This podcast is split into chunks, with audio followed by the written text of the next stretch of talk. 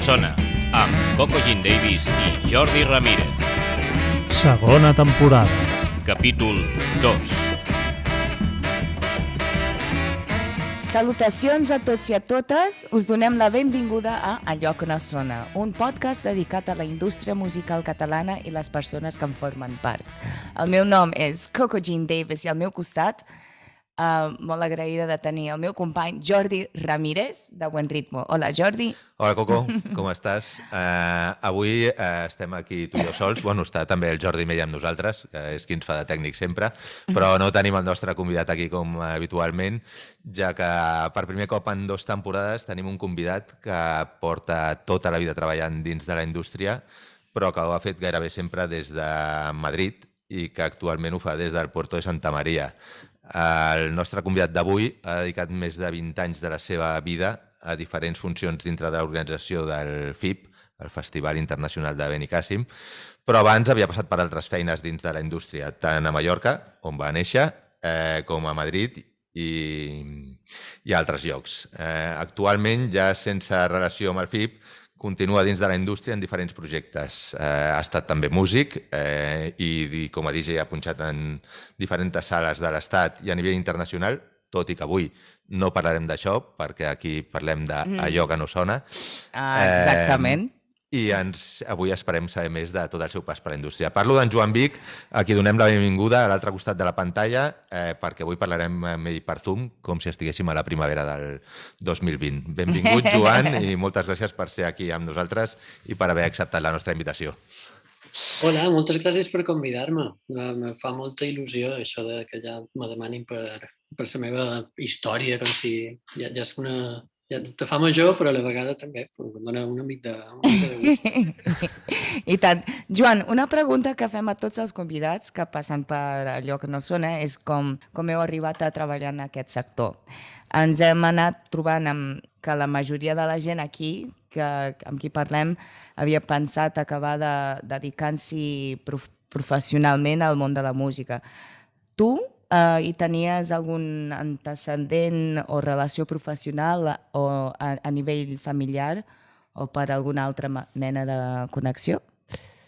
No, dins, dins l'indústria musical no, cap, cap ni un. Tenia, tenia un tio, un oncle, que, que va tocar la bateria a un grup i va treure un single l'any 70. Això no. tot és meu, abans, abans que jo nasqués. Uh -huh. Això era tot el meu, tota la meva tradició musical familiar. Um, I per l'únic que em va servir aquesta relació va ser quan jo vaig començar a tocar la bateria, el meu tio em va deixar la bateria, la seva.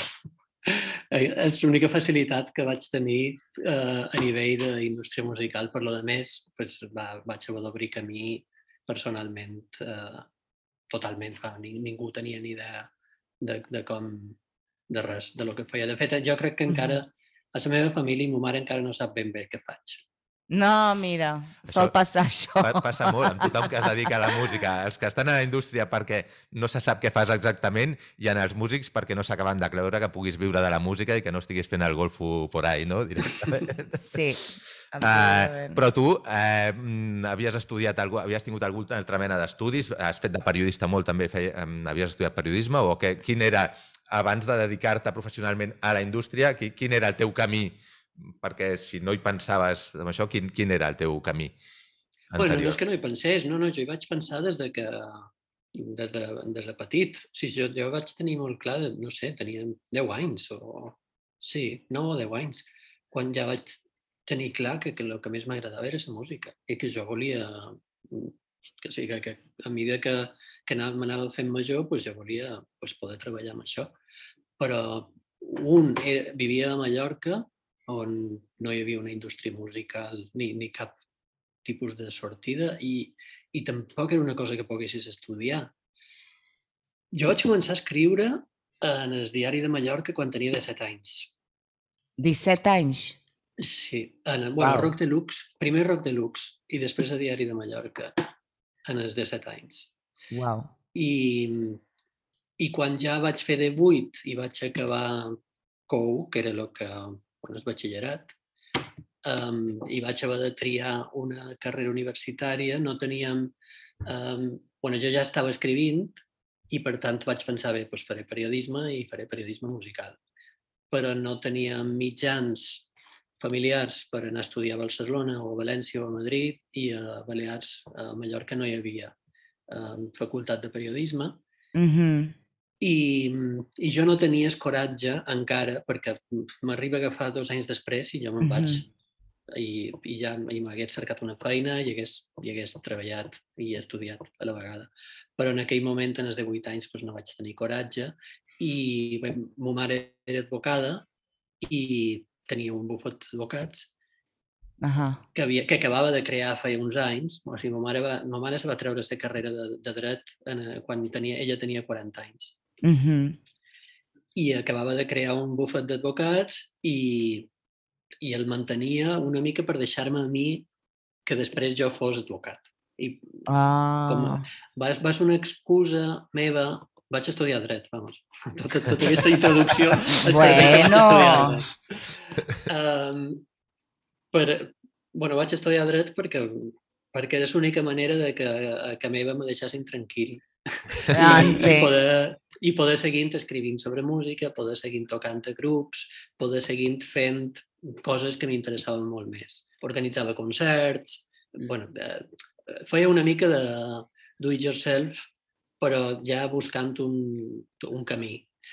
I quan vaig arribar a, a quint, a cinquè de dret, mm, pràctic, quan vaig començar el curs, vaig veure que si acabava aquell curs ja me tocava començar a treballar. I va Clar. ser quan vaig dir, no, això no pot ser. Això no, I me'n vaig, anar, me vaig anar a viure a Londres.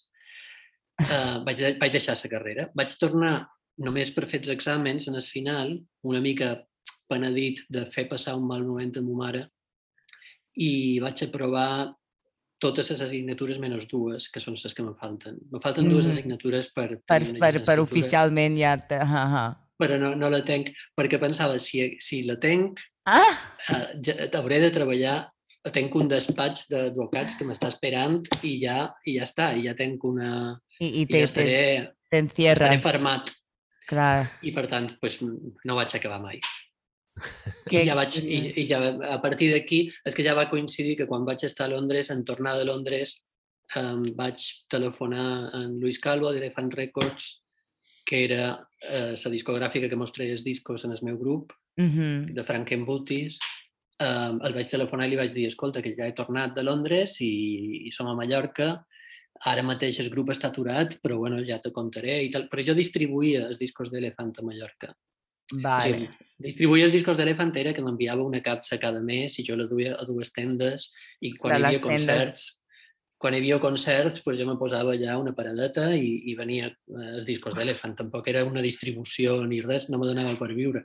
Però era una de les coses que feia pues, per, per això, per dir do it yourself. Vaig avisar en Lluís que ja, estava, ja havia tornat i que podíem reprendre això i el Lluís m'ha dit, no, mira, si vols venir, eh, necessito una persona que parli anglès que, que faci feina a Madrid amb mi. Clar. I, i clar, i me'n vaig anar de, de cap. I me'n vaig anar a viure a Madrid, vaig començar a treballar a Elephant Records i a partir d'aquí eh, ja comença a, a viure de la música tot el temps, que, que és el que, el que duc fent durant 30 anys ara. I mai vas pensar una manera de compaginar el que és uh, dret amb la música per, per no sé, ser un abogat no, per músics, o en aquella llavors no. no hi havia aquest concepte? És que saps què passa? Que el dret és avorridíssim. És avorridíssim, no, això sí. No m'interessa gens. És l'altra punta sí que, del que fem els músics. Sí, sí, que, sí que hi ha una, una cosa que, que sí que faig, que és que la formació jurídica m'ha ajudat molt. Mm. I, I jo sempre, a qualsevol lloc on he estat, eh, els temes mm, legals uh -huh. els he coordinat jo. I, i la part contractual sempre l'he seguida jo.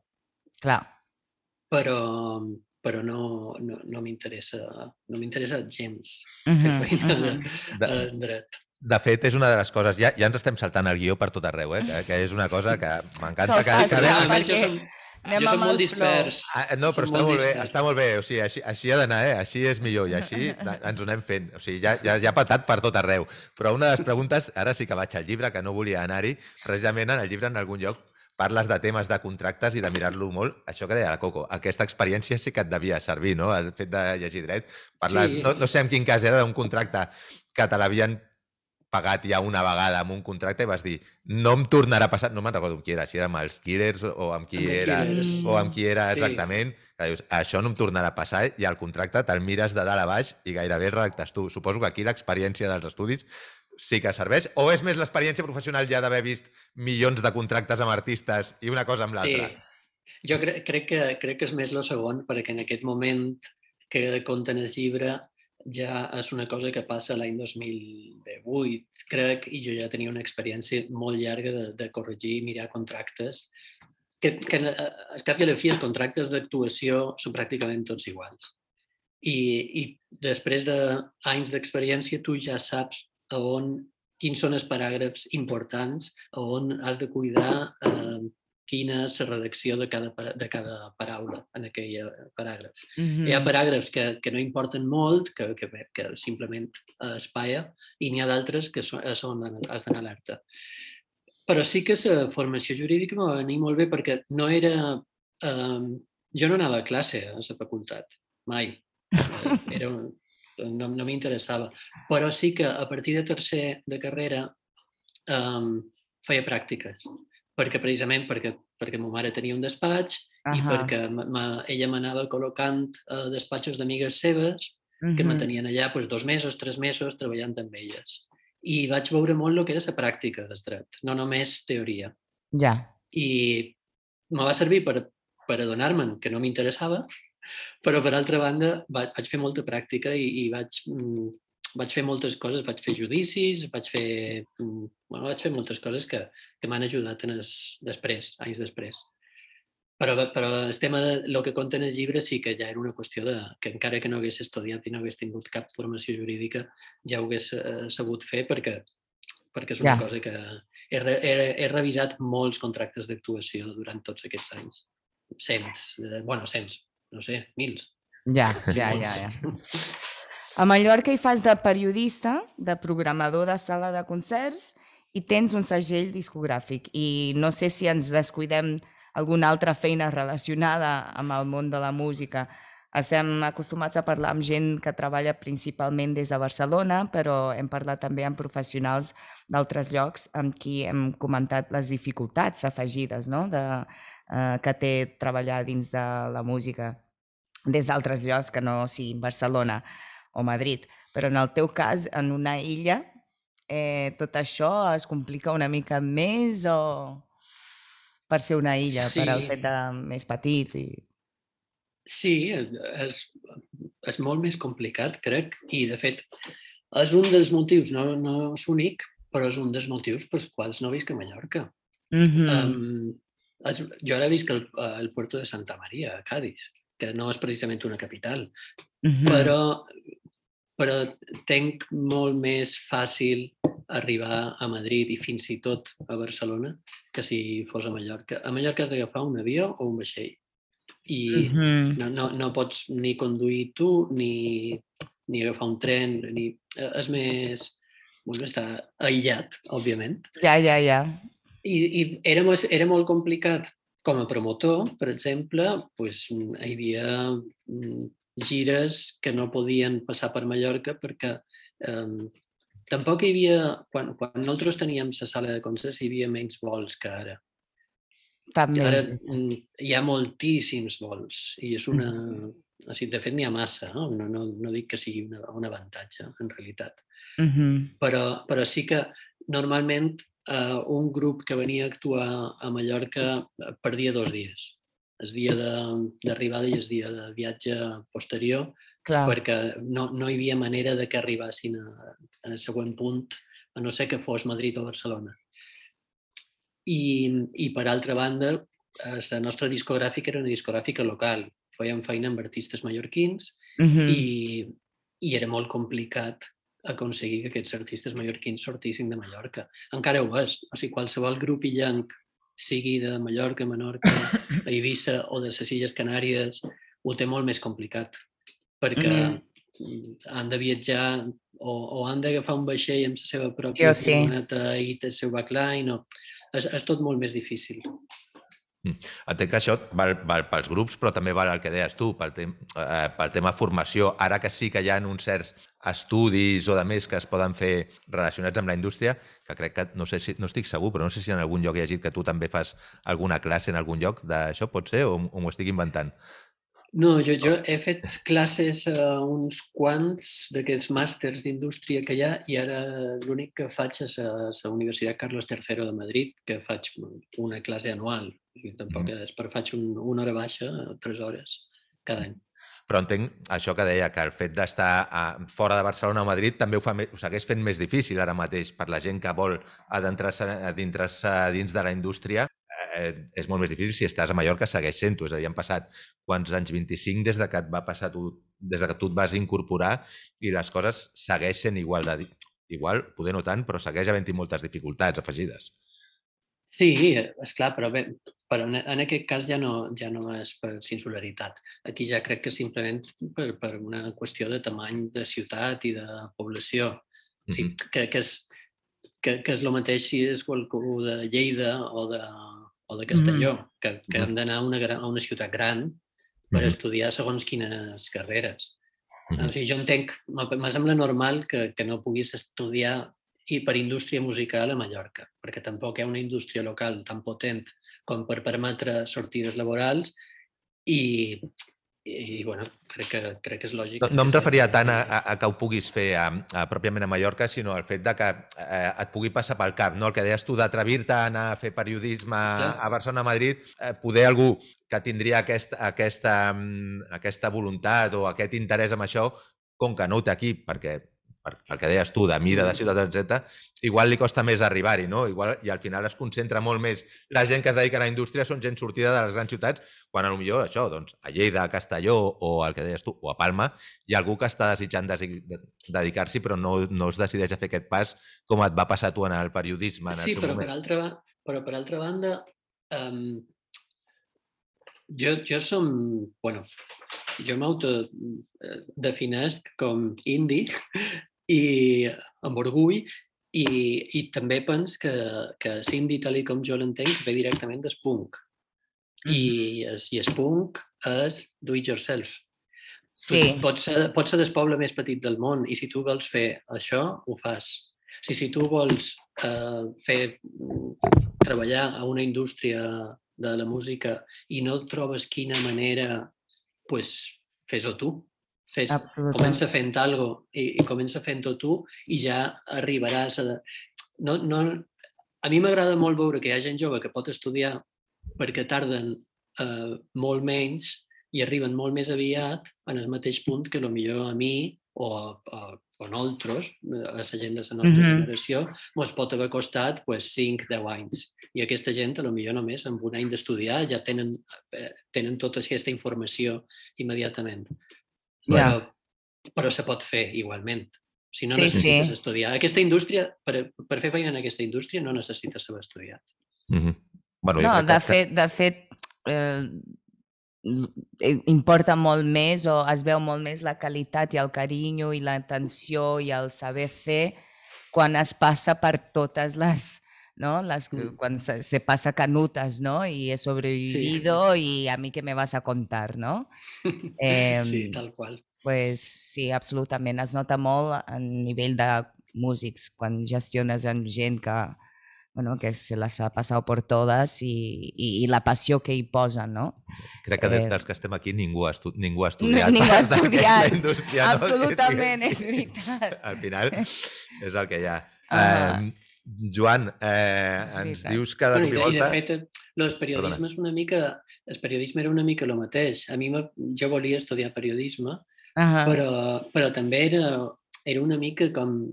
No entenia molt bé per què havia d'estudiar periodisme. Bueno, de fet, jo escrivia a diaris i a mitjans i no havia yeah. estudiat periodisme. O sigui, no, no veia que fos necessari. El que és necessari és escriure.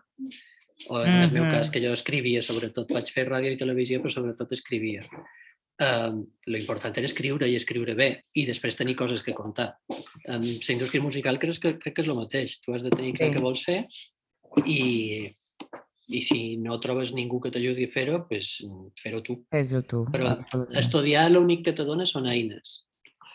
però la feina mm, no necessites un títol, no ets un cirurgià, no, no ets un metge ni un enginyer, no, no, no depenen vides de tu.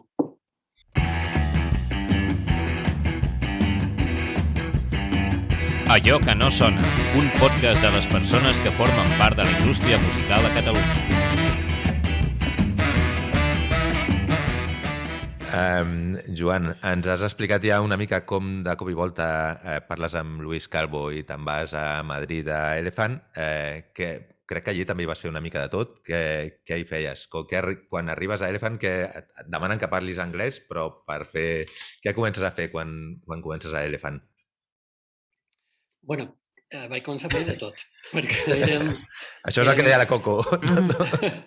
érem quatre persones i, i tothom feia de tot. Mm, lo primer que vaig fer amb arribar a Elephant va ser uh, ficar discos de vinil dins les fundes. O sigui, el primer...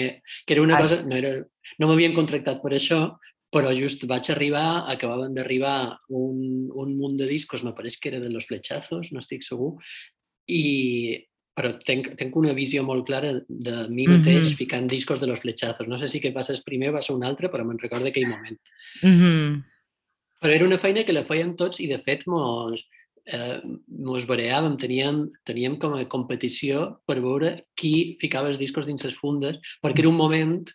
Eh, o sigui, supos que si haguéssim de fer aquesta feina mecànica eh, durant tot el dia, pues no, no la voldríem fer. Però després de passar tot el dia davant l'ordenador, poder pensar, no, no, ara deixa'm, estaré una hora ficant discos i escoltant música. I era, era com una cosa de treball manual, de no pensar. Us feia il·lusió i tot. Teníem una competició per veure qui ho feia, perquè en Bruno i jo, que en Bruno és el meu company, ell duia bandes, i jo, i jo portava... A mi m'ho van contractar per fer promo internacional. Aquesta era la meva funció. Mm -hmm. perquè Elephant va començar a vendre uh, discos a Japó i Estats Units uh, i després també a Anglaterra, a França, a Alemanya i ni en Bruno ni en Luis ni na Montse, que eren els altres tres, parlaven anglès. I, mm. clar, tenien, tenien moltes complicacions per treure allò endavant i jo vaig ser la persona que va entrar per, per portar això. Però, però clar, a part d'això, pues, havia que uh, anar a la fàbrica de vinil a controlar el tall del vinil i escoltar el màster abans de que se fabriqués el disc i de vegades hi anava jo, de vegades anava un d'ells. O com que jo era periodista musical i escrivia a mitjans, doncs jo me vaig encarregar també d'escriure tots els fulls promocionals i les biografies de tots els artistes. Després també eh, doncs vaig començar a, a preparar les pàgines web de cada artista. No, no, no has dit... Eh... Tens, soc jo o tens un gat allà fent un sorollet? Sí, l'heu escoltat, no? Sí, sí, ho dic per, perquè Perdoneu. si els oients, els oients estan preguntant què, què li passa, que és això, que hi ha una gateta per, per ahí sí, que està jugant. Sí. sí, sí, perdoneu. Vale. Perdona, ja segueix, ja segueix. Crec que ja s'ha anat. pues això, que bàsicament vaig entrar a fer promoció internacional um, amb mitjans principalment anglesos i nord-americans, però també de tot el món. Però també mm, portaves um, comunicació amb els distribuïdors internacionals, després també amb llicències, perquè vàrem començar, hi va haver un moment que mm, quan la distribuïdora Running Circle va quebrar, mm. que mm, molts segells internacionals van quedar orfes i no tenien distribució a Espanya. Va haver un moment que Elephant distribuïa amb Sub Pop a Espanya. Uh -huh. uh, o un segell alemany que es deia Bungalow, que, treien, que era de dos DJs que, se, que es deien Lejamon d'Inferno. Nosaltres també distribuïm Bungalow a... i City Slang també ho distribuïm nosaltres a Espanya. Mm -hmm. Mm -hmm. pues també tenia aquestes Clar. relacions amb, amb City Slang, amb Sub Pop, per dur els seus discos cap a Espanya. Jo, jo tenia les conversacions i després passava tot aquell estoc en Bruno, que era el que duia bandes i era el que parlàvem les tendes de discos. Clar, vosaltres com que omplíeu un forat, una, una demanda que hi havia en aquell moment que ningú ho feia. Llavors pues, va ser un moment bastant oportú per vosaltres, no? Per, treballar amb gent Sí, sí, internacional ser- i ells... Uh -huh. Sí, vàrem ser, jo crec que jo, el meu primer correu electrònic el vaig tenir l'any 95, que jo crec Mhm. que a Espanya no n'hi no, no havia. O sigui, hi havia poquíssima gent, però als Estats Units ja funcionava amb un correu electrònic Sí, per parlar amb ells. mira. I per lo de més també també feien molta feina per fax.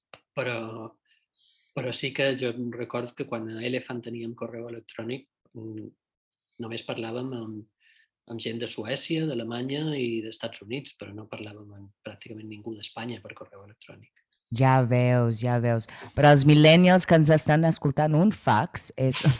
No, és broma.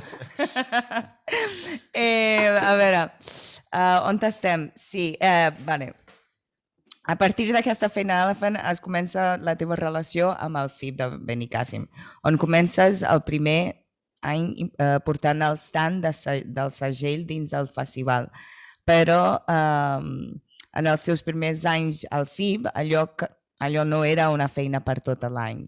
Uh, suposo que tu vas fer també de promotor i vas portar gires internacionals d'artistes per tota Espanya. Més o menys el que explicaves, però com ho compaginaves? O sigui, realment todos hacer un poco de todo o tu tenies Mm. algo especial en tu eh, característicament? No, bueno, jo, bueno, tenia una cosa que no sé si és especial o no, però jo tenia molt d'entusiasme Mhm. i moltes ganes. I, I no tenia clar, no tenia, encara no ho tenc, ben clar quin és el meu paper i, i, i què volia fer. L'únic que tenia clar era que volia fer feina mm, amb això, que, que, que a mi m'agradava m'agrada molt la música i a part m'agrada molt la indústria musical. No és una...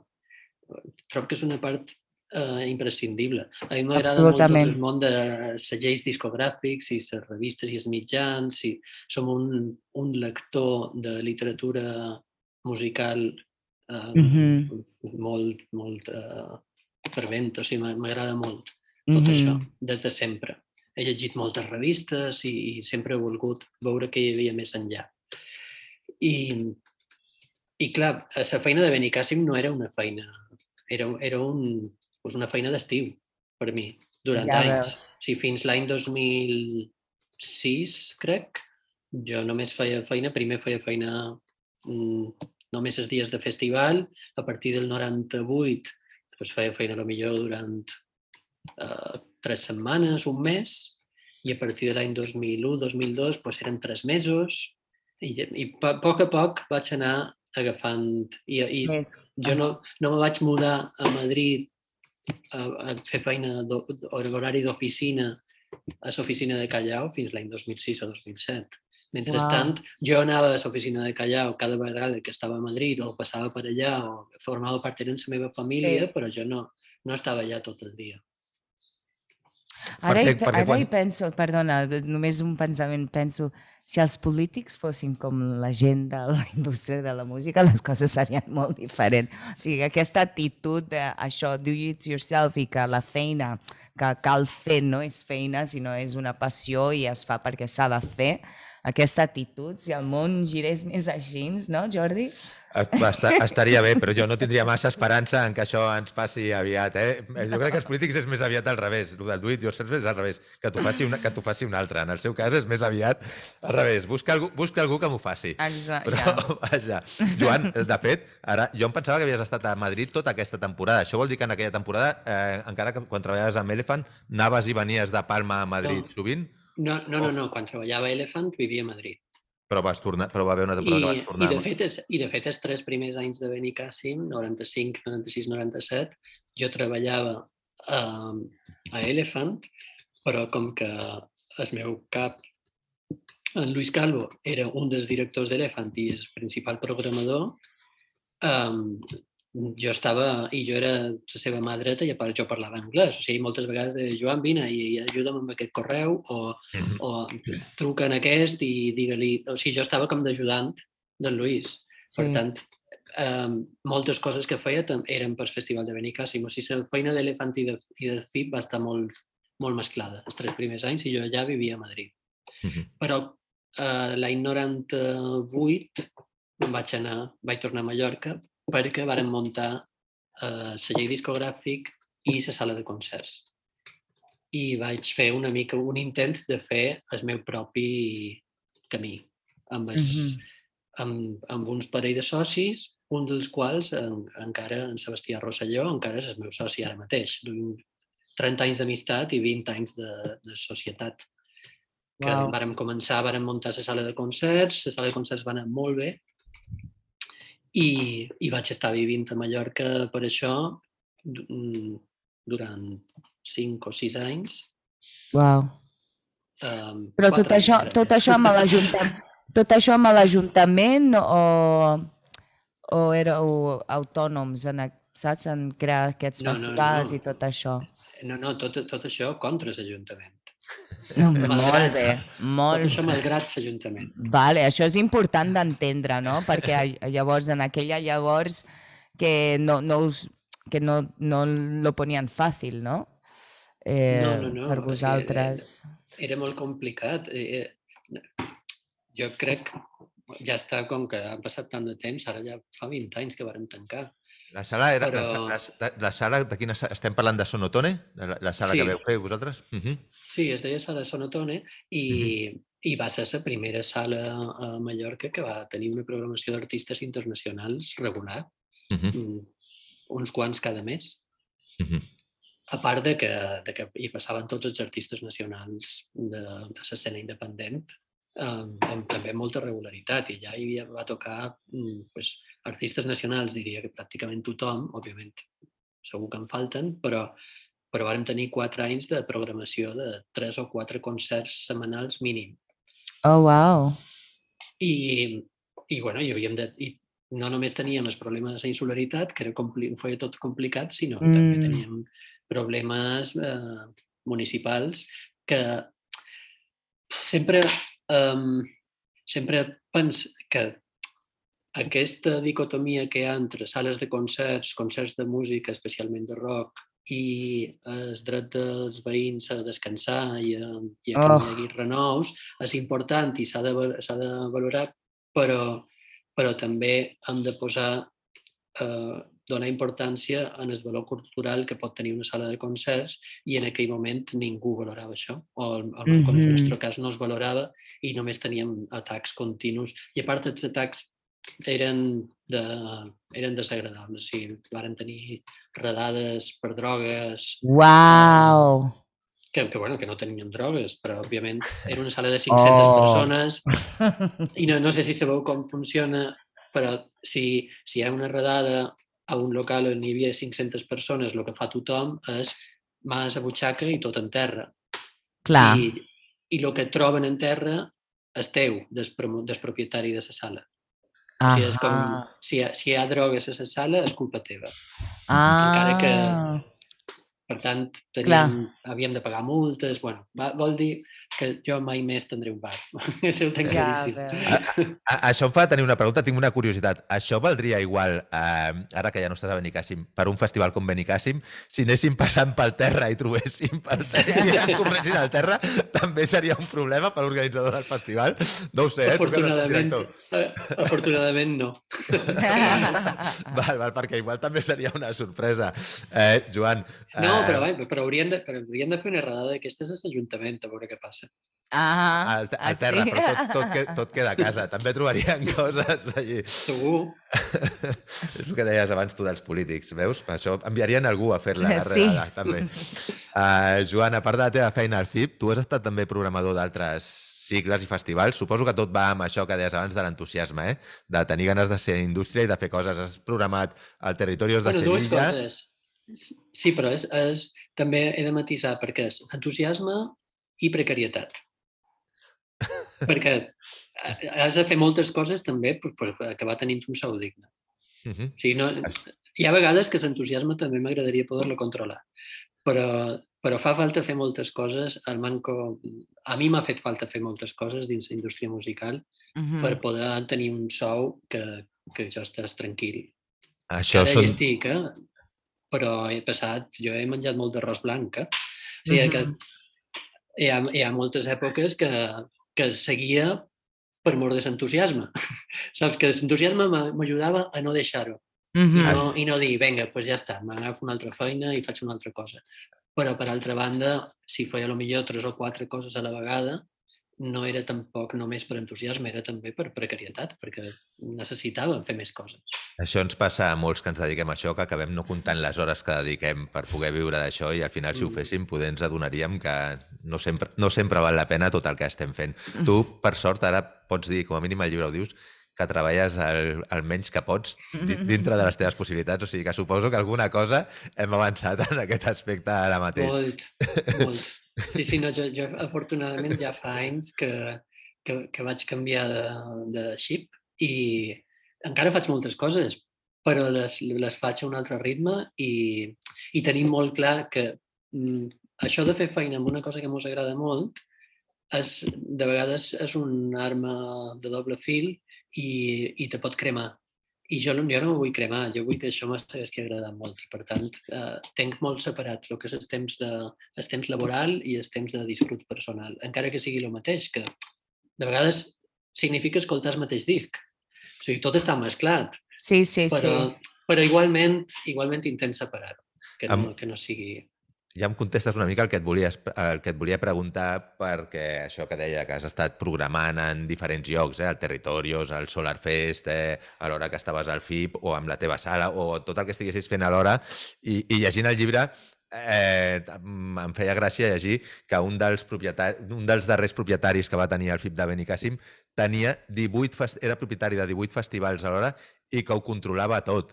Eh, et- T'arribaves a sentir una mica així quan feies tantes coses tu o, o el d'ell ja era una cosa exageradíssima? 18 festivals. déu Sí, no, no, òbviament, ahir de precarietat no no n'he tingut mai. Sí, uh, No em referia No. econòmicament, eh? Em referia Ja, ja, més ja. a- a- al nivell de magnitud de Sí. coses de tenir al cap, eh? David, no, Sí, la no, precarietat no, però- segurament no. Però, però no, però... O sigui, jo, jo m'he sentit de vegades eh, sí, més angoixat i estressat, més que res, eh, per, per tenir massa coses en marxa i, i haver d'estar pendent de massa coses. I, Mhm. I va haver un moment... Jo ja no escric, per exemple. Ja no faig periodisme musical. Tampoc, tampoc organitzo gires internacionals, ara. Eh, ha- hi va haver coses que vaig haver de decidir Bé, eh, he d'enfocar una mica, ja no tenc la Gestionar, discogràfica. gestionar una mica el teu temps i la teva Sí, de, energia, decidir cap a on volia tirar perquè el que no podia era ser periodista musical, promotor, eh, fer gires i tenir una discogràfica i, i voler-ho dur tot a la vegada. Mm, crec que en el final m'havia de centrar. En quant a en aquest home que tenia de vuit festivals, a mi el que me semblava era molt admirable, no, no desitjable, jo no li tenia cap enveja, però sí molt admirable aquella capacitat de, de, de compartimentar el seu cervell per, per, per poder tenir tota aquella informació a Mhm. l'abast i, i tenir-ho tot controlat. Però, però vaja, jo penso que si jo fes el que feia ell, jo acabaria malalt. I no, i no és la meva intenció. Jo vull viure molts anys i vull viure, vull viure bé es- tots els anys que me quedin.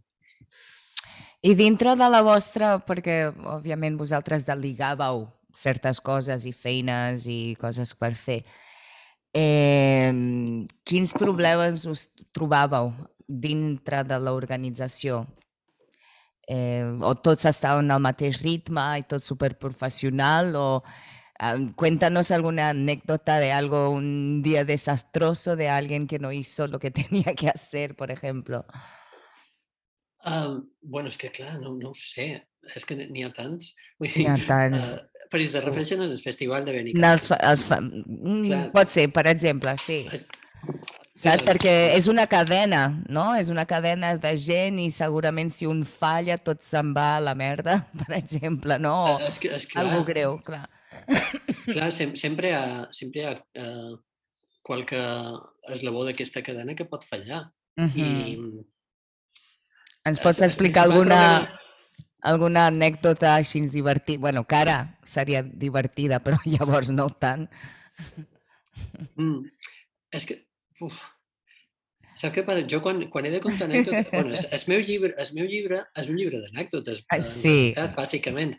Però però si te fixes són històries construïdes a base de moltes difer anècdotes diferents per Ahà. construir una història. I crec que aquí sí que som capaços de d'armar una història que, que tingui sentit. Però després Mm. aquestes anècdotes petites sempre pens, uf, no, no, no tenen cap gràcia Ja. extrapolades. No sé, ara amb això que dius d'alguna cosa que falli i tal, doncs me'n record d'una, però que penso que és una xorrada, que tampoc no és molt graciós. Però bé, de, un, un de seguretat que tenia um, a la zona de premsa de, de, de Benicàssim, que estava en estall que hi havia entre el backstage i la zona d'artistes i la zona de premsa on estaven els periodistes. Mhm. I a ell, a ell li havíem dit que per aquella porta no podien passar els periodistes cap a backstage. I ell se va equivocar i deixava passar tots els periodistes cap a backstage, però no deixava passar els artistes cap a la zona de premsa. O sigui, ho va, ho va entendre... Al revés. Ahà. I, i per tant, se'n- s'estava petant els backstage de periodistes que anaven allà a fer fotos en, en els caps de cartell i, i que no tenien permís per entrar a backstage i per tant estàvem tots com emocionats Ah. i hi havia artistes que anaven a la zona de premsa perquè tenien entrevistes i no els deixaven passar. I fins que no me Ostres. varen avisar, no vaig poder anar allà. Bueno, per això era una tonteria, però són coses que realment una persona cantes malament una instrucció i que no havia de pensar i no tenia... No, L'únic que havia de fer era no deixar passar ningú cap a l'altre costat. Ja veus. Però ho va entendre malament. Pues aquest tipus de coses s'han passat un munt de vegades. Però, clar, és una, com a anècdota és una mica pobra. No, és que res és per compartir amb els, amb els oients que, que, que el que hi ha per, no? per sota no? i les coses que passen que la gent ni s'enteren i una mica humanitzar el que són els festivals, que no tots són perfectes, però són per coses d'aquestes, no? Que una cosa es, es converteix en una bola de nieve i Sí, es fa més gran. El, I... el festival de, de, de Benicàssim els, els 10 darrers anys, que són anys que jo vaig estar molt implicat i, i, i, i amb, un, amb una posició una mica directiva, Mhm. um, érem, érem entre 8 i 12 persones tot l'any. Mhm. Però llavors arribava el festival i érem més de 500 persones treballant. Mhm. I clar, coordinar aquest equip um, durant, a, a, amb molt poc temps, doncs sempre, hi havia, sempre hi ha moments que alguna cosa se pot escapar. Perquè, a més, és una, és una feina que va contra rellotge. O sigui, tu vas, tu tens una data Mhm. i, i, i vas arribant, a mesura que van passant els mesos, te vas atracant més i més i més cap a aquella data Mhm. i, i has d'intentar acabar tota la feina abans d'aquella data i quan estàs ja dins el festival, doncs tot va molt ràpid. I, Absolutament. és, I els dies de festival passen volant. Poden passar moltes coses i has de reaccionar en aquests imprevistos o en, aquests, mm, en aquestes errades humanes o, o en Sí, aquesta sí. errada teva de previsió, de no haver pensat com, com preveure que podia haver un problema. A mesura que, que tens més experiència, preveus molt millor els problemes. I aquí Mhm. el que parlàvem en el principi dels contractes. A mesura que passaven els anys, jo podia preveure molt millor què podia Mhm. passar i com havia de deixar això reflexat o reflectit en un contracte Mhm. per si passaven certes coses que, que jo està protegit. Us podeu subscriure al podcast de Lloc que no sona a la plataforma on ens escolteu habitualment, Spotify, Apple, iVox i també a la nostra web buenritmo.es.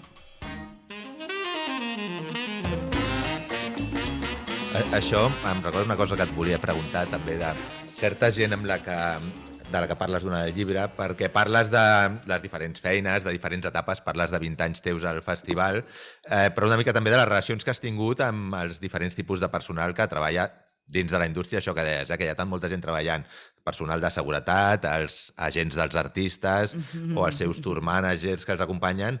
I hi ha un tema que a mi em sembla important, ja, ja no només pel que dius tu, eh, sinó en general en totes les feines a la indústria, crec que ens hi trobem tot, que és l'actitud personal amb la que vagis, no? Més enllà de l'entusiasme uh -huh. o de la precarietat que a vegades tinguem tots o, o no.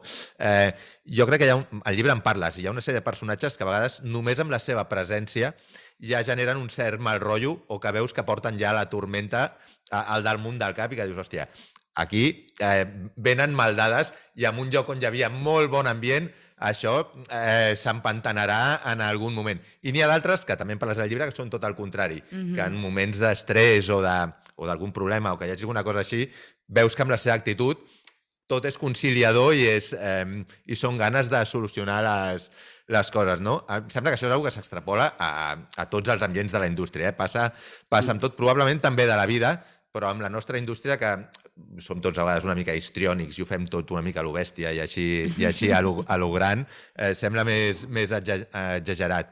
Eh, com, com ho portaves tu, això? És a dir, en, aqu en els moments en què et trobes amb algú d'aquests dolents, també l'experiència t'ajudava a portar-ho? Perquè a vegades a mi em sembla d'aquelles coses més difícils, no? Com, com mantenir la, la paciència davant de, seg de segons quina gent que ja veus que, que, que, que cada cosa que fan és una mica per en comptes de solucionar per, per fer el problema més gran. És a dir, hi ha, hi ha persones que davant d'un problema no mm. anem a solucionar-lo, anem a fer el pollastre més gran encara, a veure, a veure com ho fem.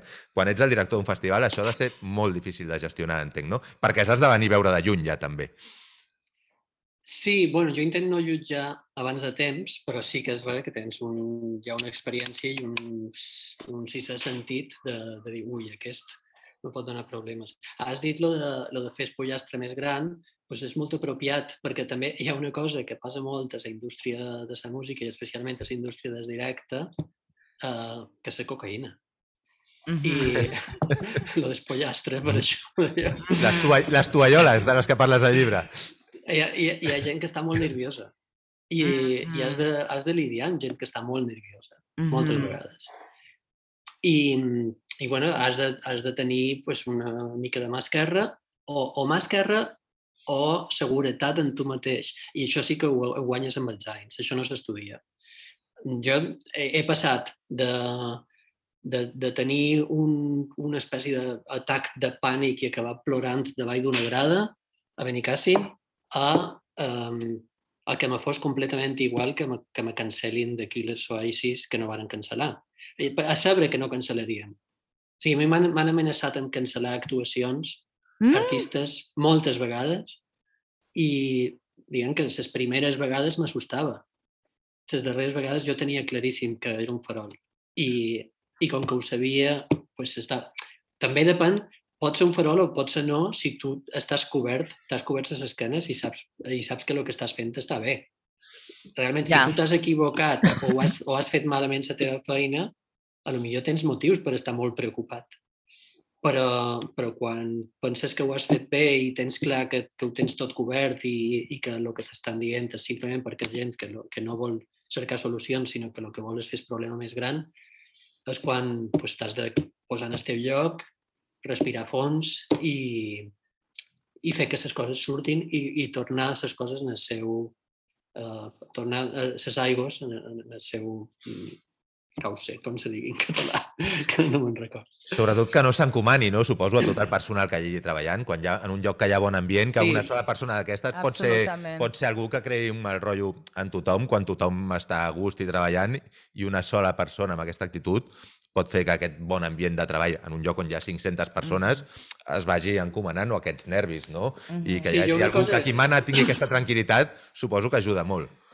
Jo era una cosa que tenia, eh, que, que, que teníem molt clar um, a Benicàssim, uh, això també t'he dit, sobretot els darrers 7 o 8 anys, que, que són anys que, que, que jo ja estava molt segur del que feia i estava molt tranquil, um, que era que quan hi havia algú que estava creant problemes i que estava molt nerviós, jo avisava sempre a tot l'equip i li deia, si tu veus que, que t'estan mm, responent malament o t'estan eh, pressionant més del compte o t'estan agobiant, avisa'm i jo vendré.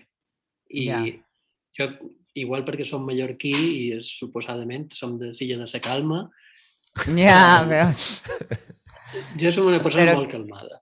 molt, molt calmada. O sigui, no, Però no són els tinc- que donen més por, eh? La gent més calma, així, perquè... Bueno, espero que no, jo no vull fer por a ningú. Però, però sí que, que, que no, tenc, no vull fer por a ningú, però tampoc te, no tenc por de ningú. I, Ja. i bé, sí, havia que parlar. M'era igual si era un artista gran o petit, o, però sí, ja tenia molt clar que en el meu equip no el tractes malament. Mhm. Se poden haver equivocat i si s'han equivocat cercarem una solució, però tu no pots arribar pegant crits i, i no pots tractar malament la meva gent. Jo defensaré. Absolutament, absolutament. I, Parla- i sí, fèiem digues. molt això, vamos, que, que era una...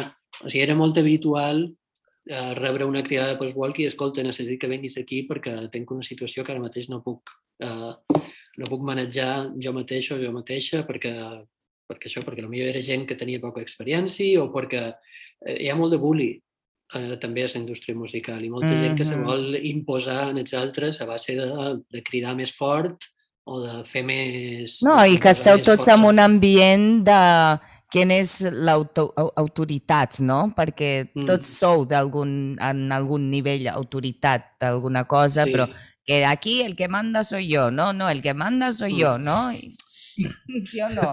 El segurata No, sí, és- pensa que és tal... És una, és una qüestió... Sí, és una qüestió molt de... Sí, molt d'ego, d'ego i Sí. testosterònica, sí, sí. Sí, i, i, i és veritat, hi ha molta gent que, que, um, que potser arribava a un escenari i a millor faltava un amplificador o, o hi havia una cosa, un monitor que no estava en el lloc exactament on havia d'estar o, o el que fos i creaven una situació super tensa i després quan arribava jo no feia falta que jo digués res. Només Mm. era, mira, ha arribat a Booker i ja davant meu era tot super suau perquè no Mm. s'atrevien, a mi no s'atrevien a parlar malament. Però això vol dir molt de tu, eh? Això diu molt bueno, de tu. No, això diu malament d'ells, No.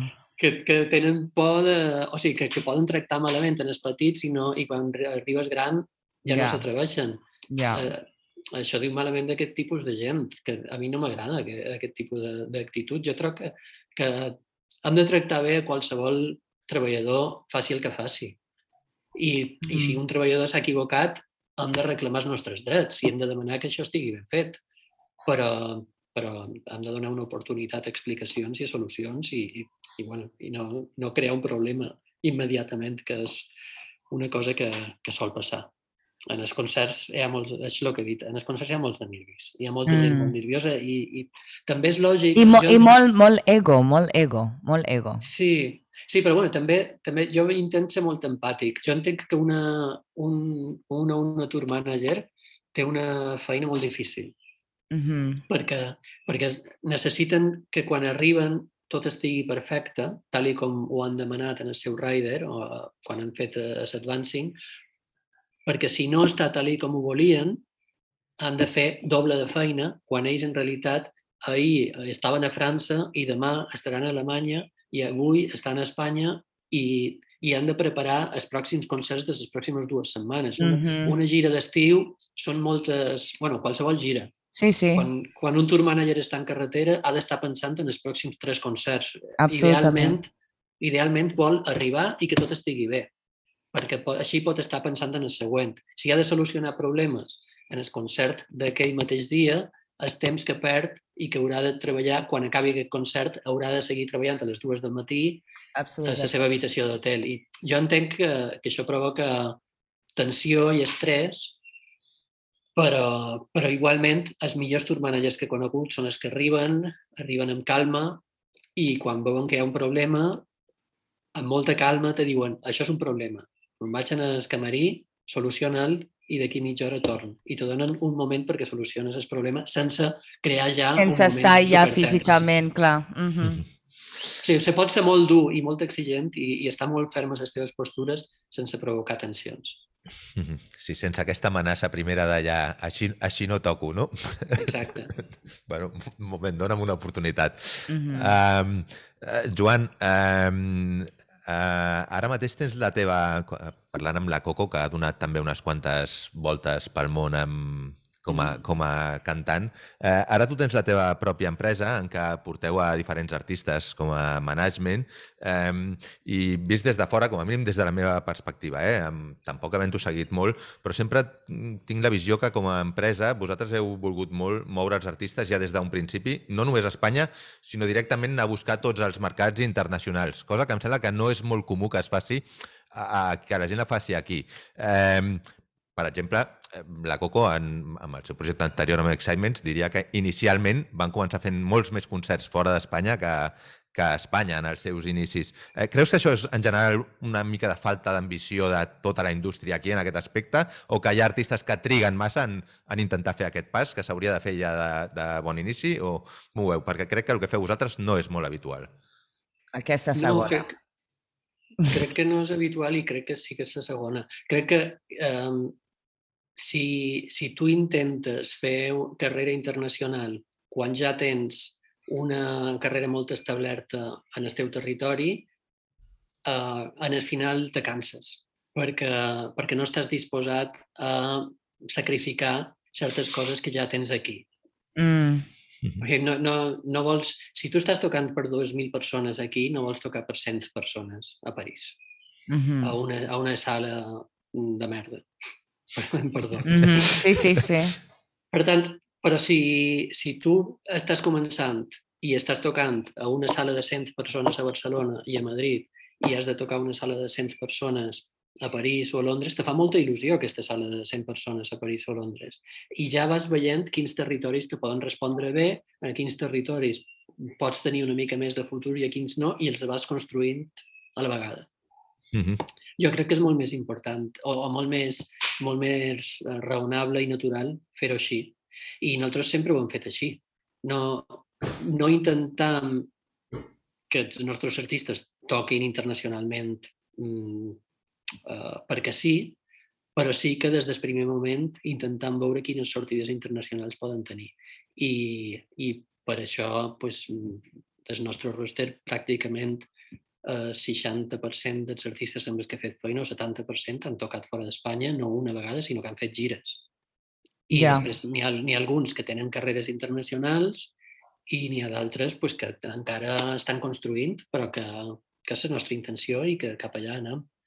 Jo, igual és una cosa que, que duc de, de, de quan estava... Com que el primer que vaig fer va ser lo d'Elephant i, i la meva part a Elephant era precisament portar relacions internacionals, pues va ser el que, el que vaig mm, ficar dins, o sigui, el que vaig mm, aprendre immediatament i, i el que vaig assumir com natural.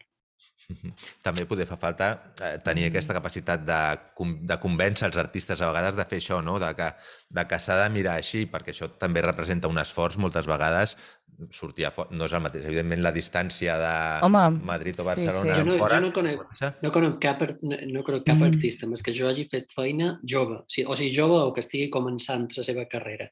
Ja, ja si, són, si tenen una carrera ja feta i tal, ja és diferent. ja és Però un diferent. artista que estigui començant la seva carrera no en conec cap que no li faci il·lusió tocar fora del seu país. Els fa Absolutament. il·lusió. No em referia tant a la il·lusió a vegades, si- sinó als termes econòmics d'explicar-ho, de, de, d'explicar-ho, que a vegades és una mica més complicat, però per això dic això, que, que necessiten que les empreses tinguin aquesta capacitat de- d'explicar-ho i de, des del primer moment dir això ha de ser part de, tan important com anar a, com pugui ser anar a Galícia o com pugui anar a Andalusia si hi ha un plan al darrere, és a dir, no anar, mm. com Mhm. deies tu, no anar tampoc a Londres o a París o a, o a on sigui, o a Berlín, sense cap pla al darrere enviant l'artista allí a, a tocar per 10 persones, evidentment. Que això és una altra Exacte. cosa que a vegades em sembla que, que ha passat aquí, ho dic, jo sóc culpable, eh, de- d'haver-ho fet en fires internacionals, eh, d'enviar els Sí, artistes. a mi és una cosa que em fa una mica de ràbia.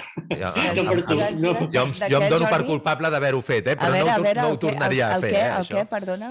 El fet d'enviar a vegades als artistes això que es fa Songs from Spain, anem tots a Austin, amb, vinga, amb 30 bandes espanyoles allí.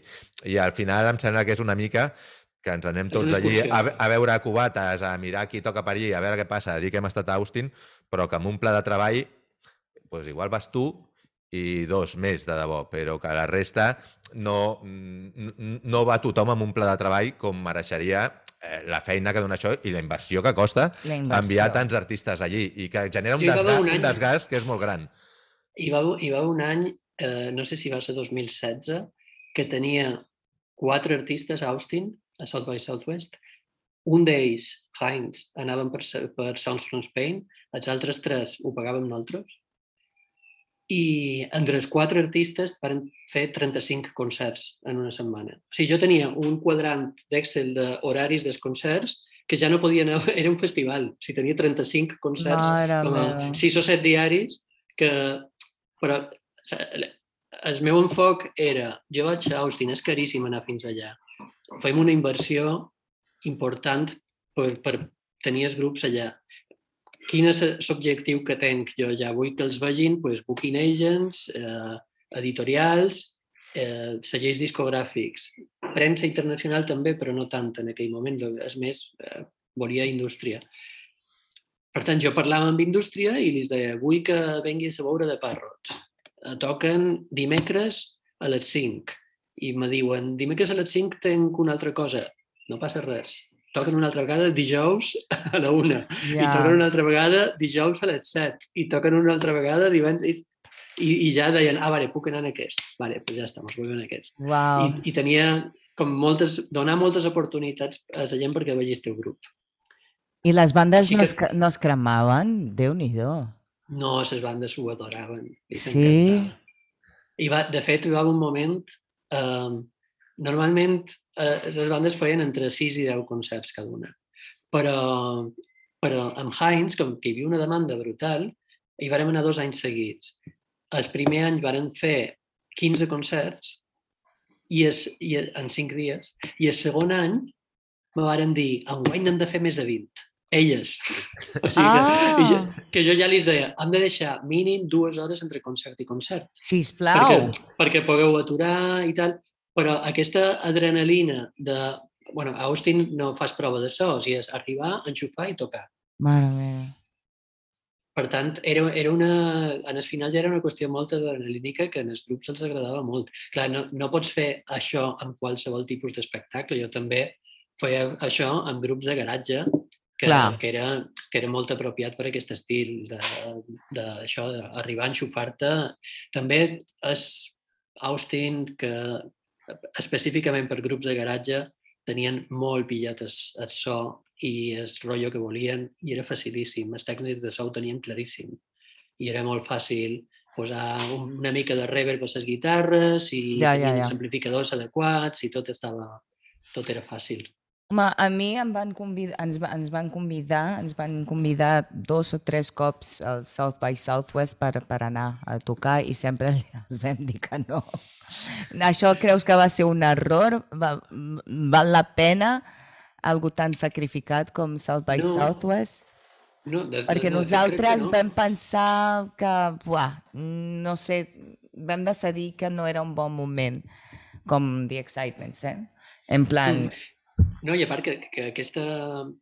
Um, us varen convidar, però clar, la invitació a South by Southwest és un...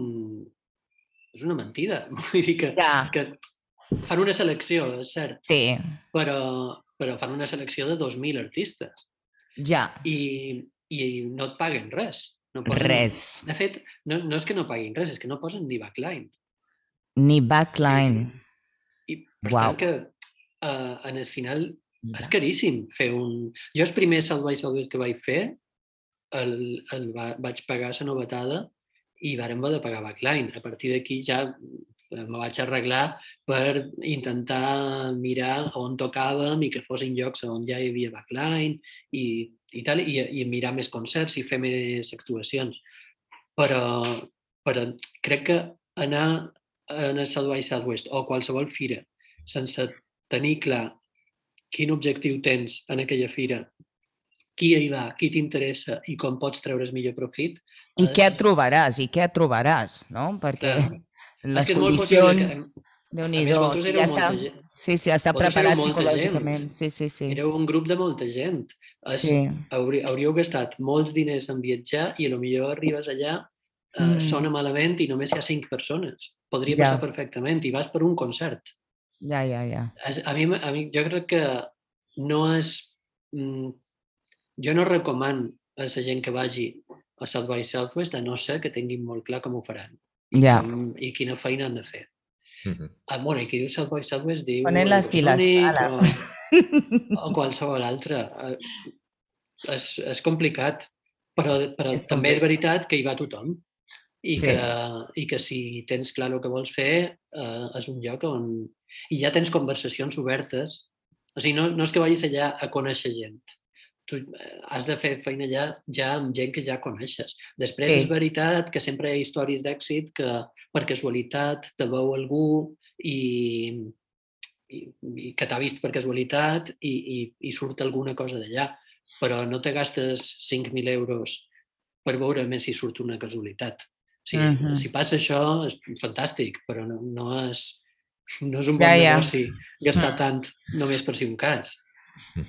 De fet, eh, ens, ja ens estem avançant una mica al que, al, una de les darreres coses que et volia preguntar, eh, Joan, perquè tu eh, actualment, a més de l'empresa de manejament, també fas de coordinador de les jornades professionals dintre del, del Monkey Week, eh, una fira que va, actualment es fa al Porto de Santa Maria mateix, és on vius, no? No, a Se- a Sevilla. A Ah, Sevilla. ah, es fa a Sevilla, però s'havia fet al Porto de Santa Maria, és al sí, revés, no? Originalment, originalment és del Puerto. Correcte. Eh, eh, I per aquest programa ha passat gent d'altres fires professionals, eh, més a nivell català, eh, com el Mercat de Vic o, o com a la, de la Fira de Vilaseca, i, i jo tinc eh, la sensació de que, tot i el boom de fires i d'activitats professionals que s'hi organitzen al voltant, ara parlo d'Espanya, eh, concretament, no, no tant a nivell eh, europeu o mundial, la meva sensació és que aquest increment no s'ha notat massa en una major o millor contractació pels artistes i que sovint, eh, això que deies, eh, eh, molts dels assistents a les fires, especialment aquells que hi van a vendre, eh, tornen amb una sensació de, de desencant o de, que, o de que no ha servit per res. I penso que a vegades és perquè la gent tampoc s'ho acaba de, de preparar massa, eh? O sigui, jo no sé quin és, quin és, quina és la teva visió a nivell nacional d'aquestes fires i Mm. i d'aquesta visió que tinc jo d'aquest una mica desencant tant quan assisteixes com organitzador, quan estàs al Monkey Week, o com quan hi vas com a venedor, com a comprador. Com a comprador, ara ja no sé si vas en lloc, eh, com a venedor en alguna d'aquestes fires nacionals, si, si és una mica així, no? que hi ha molta fira, però en realitat no sé si hi ha tant de mercat en aquestes fires o si es nota tant, si, si canvia, si en necessitem tantes realment per parlar-nos entre, entre tots. Sí, bueno, sempre està bé tenir, tenir llocs d'encontre i, i trobar-te amb, amb companys i amb gent que, amb qui pots intercanviar informació. No, no només és comprar vendre, sinó també eh, trobar-nos. Crec que és important. A mi, a mi les fires m'agraden. Però, i, i, clar, i aquí no som objectiu. A mi la fira que més m'agrada també per l'estil de música amb el qual jo faig feina ara i, i veig que, que té molts resultats és Monkey Week. Però, clar, no som objectius, jo faig feina a Monkey Week. Per tant, no... a mi m'agrada molt anar a Vime i crec que Vime és molt important a Bilbao, però una cosa que me passa a Vime és que ten convidats molt importants, té un, un pressupost molt més alt que Monkey Week i, i a mi una cosa que me passa a Vime és que sempre quan estic parlant amb algú sempre not que aquesta persona amb la que estic parlant, bueno, no sempre, eh? hi ha gent que, Mhm. que tenim molt- una relació molt, molt bona i molt fluida, però eh, també hi ha vegades que estic parlant amb algú i veig que aquesta persona que està parlant amb mi a la vegada està mirant perquè no se li escapi algú més important que jo, saps? I, té, i, i me dirà, Mm. bueno, molt bé, i molt, perquè Ja. només estàs tres dies i tens poques oportunitats d'entrar-li a uns quants eh, players molt importants i, i Ja. vols estar allà. I en canvi el concepte de Monkey Week és molt més familiar, és més petit, però allà, precisament per això eh, eh, membres d'una indústria més humil estan molt més temps més junts i jo sí que veig que a nivell de nous artistes, perquè no té grans caps de cartells ni grans, ni grans artistes Monkey Week, però a nivell de, de nous artistes que estan començant la seva carrera, sí que allà se fan moltes, molts acords i sobretot a nivell de programació se tanquen molts de, molts de concerts. Això en el Monkey. A Monkey Week, sí.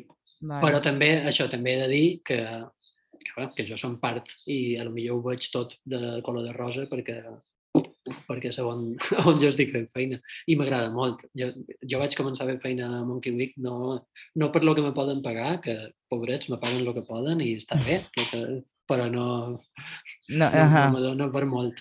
Però, però perquè m'agrada molt, m'agrada molt aquest festival i com a fira trob que, trob que funciona molt bé.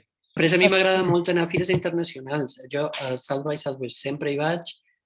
Uh, enguany no hi he anat perquè no, no tenia clar encara ben si tancarien fronteres o no i vaig decidir esperar. Però l'any que ve aniré segur. Eurosonic Mhm. també sempre hi vaig. Great Mhm. Escape a Brighton també sempre hi vaig. I, i també, com més hi vas a les fires, més probable és que vagis creant una xarxa de gent que sempre te trobes en aquella fira. I, en- Clar. i, i creant aquesta xarxa és també com vas tu creant eh, la teva pròpia xarxa internacional. Eh, ja estem quasi acabant, ens estaríem tota la tarda perquè ets una font d'informació bastant important i, i molt excitant. Eh, jo, com, volíem saber, jo eh, per tancar volia saber eh, quina previsió per aquests propers dos anys de mm, bandes emergents que t'agrada o estils que estan ara de moda o què estan buscant als festivals? Eh, què és the hot stuff right now? En- En, en, term, en termes de show, de show per a públic familiar o el que sigui, què és el que esteu Mm. buscant, què és el que està funcionant, generant i, i que seguirà per als propers dos anys. Ho dic perquè així ens passo la informació als músics que, que, fiquin, que comencin a assajar. Eh? Clar, és que saps què passa? És que, és que a mi no, no m'agrada mai fer prediccions. No, no sé, no tinc ni idea de què pot passar, ni, ni què és el proper que vendrà, ni, ni res.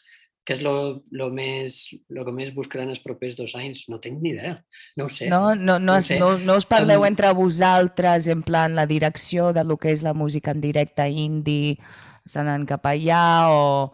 em, Saps? Com Em- va haver una ola de lo que és música negra, segueix una mica, però potser hi ha una nova ola estilísticament, així de show, o el que esteu buscant com a festivals. No, clar, però jo ja no, jo ja no som programador de festival. Sí, però encara... Tres bueno, anys. Vale, és Sí, però veritat. en, en Sí, tres sí, anys sí. pot canviar tot molt. I, Sí, i, sí, sí. Um, estava clar, jo quan, quan, quan em programava encara, el que estava clar era que hi havia una, de fet, des de 2007 a 2017, que Mhm. el pop, tal i com s'entén el pop en el món anglosaxó, eh, vull dir, Dua Lipa, Rihanna, havia de ser una cosa que pujaria molt i que, per altra banda, tota la música urbana, tant espanyola com internacional, també pujaria molt. I és el que ha passat i, i estava passant. Mhm. Però, però ara mateix, a on anem des d'aquí? No, no ho sé, no ho sé. Jo, jo pels, propers do, pels propers dos anys el que, el que vull és consolidar una cosa que tenia. Jo quan vaig acabar el festival de Benicàssim, quan vaig acabar de treballar en el festival, va ser uh, juliol, just ara farà tres anys, juliol de 2019. Mhm. Um, I va ser el primer moment en tota la meva vida que vaig dir, vale, ara me concentraré i només faré una cosa. Ahà. Som manager d'artistes, tenc una oficina de management i me dedicaré només a management. Vale. I me vaig concentrar eh, i anàvem molt bé, o sigui, molt bé. O sigui, les prediccions, o sigui, 2019 va anar bé i Mhm. 2020, febrer de 2020 ja eh, indicava que 2020 seria un any boníssim. Mhm. Òbviament, han passat 2020 i 2021 com han pogut, Mhm. no malament hem, hem superat eh, aquest moment i, i no he hagut ni de despedir ningú, som quatre persones treballant i, Mhm. i tots seguim i, i, i estan bé. I ara, a 2022, estem una, una mica com estàvem a finals de 2019. Si jo, per jo, lo important ara és tornar a reprendre aquesta curva ascendent que tenia a finals de 2019, fer-la ara. Crec que Uau. vaig bé, però, però bé, qui sap. Um, i, no te, I no tenc ni idea, no te sé dir uh, cap on van les coses ni com, perquè jo, jo som un romàntic. Jo faig feina amb artistes que m'agraden. No Mhm. pens si són vendibles o no ho són. Jo vull que m'agradin i després els intent vendre. És més fàcil Però- vendre'ls així, clar. Clar, clar jo, jo no, no podria vendre alguna que no m'agrada. No, jo no som venedor, no sé vendre. Jo el que és que, mira, jo tenc això i això és molt bo. Si t'agrada bé i si no t'agrada, doncs, ho, ho faig a una altra banda. però no, no, és, no t'he de convèncer de que és bo. Si no ho veus, doncs és que realment no ho vull fer amb tu. Vale. Mm -hmm. Pues jo per Doncs- mi ha sigut un super, super plaer. Uh, espero bueno, bé, que ens veiem, gràcies. ens trobem aviat aquest any. Eh, Jordi? Us veureu al Porto de Santa Maria, si, si tot va bé. Si el Joan no està a cap fira en, en algun altre lloc del, de, del planeta, perquè ja ens ha dit que torna a tenir ganes de viatjar. I res, eh, moltes gràcies, Joan, per aquesta estona. Eh, esperem que t'ho hagis passat molt bé. Eh, també, els que ens escolteu, si us heu passat bé escoltant en Joan, eh, us recomanem molt que llegiu el seu llibre Aquí vivia jo, eh, és Libros del Cao, l'editorial, eh, on, bueno, ja us ho he dit, explica eh, situacions, interioritats i anècdotes dels seus anys al, al FIP de Benicàssim en els diferents llocs de treball pels que, pels que ha passat. Si esteu pensant en muntar un festival, no tinc clar si el llibre us animarà encara més a fer-ho o si us ho farà repensar, Mhm. però segur que llegint-lo eh, riureu més d'una d'una vegada. Moltes gràcies. Joan. Que bé, moltes gràcies.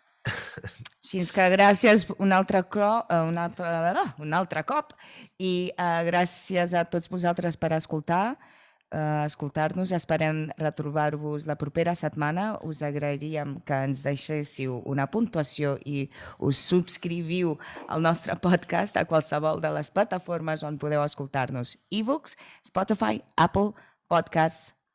See you later. A reveure. A reveure. Adéu, Joan. A Gràcies. veure. Adéu, moltes gràcies.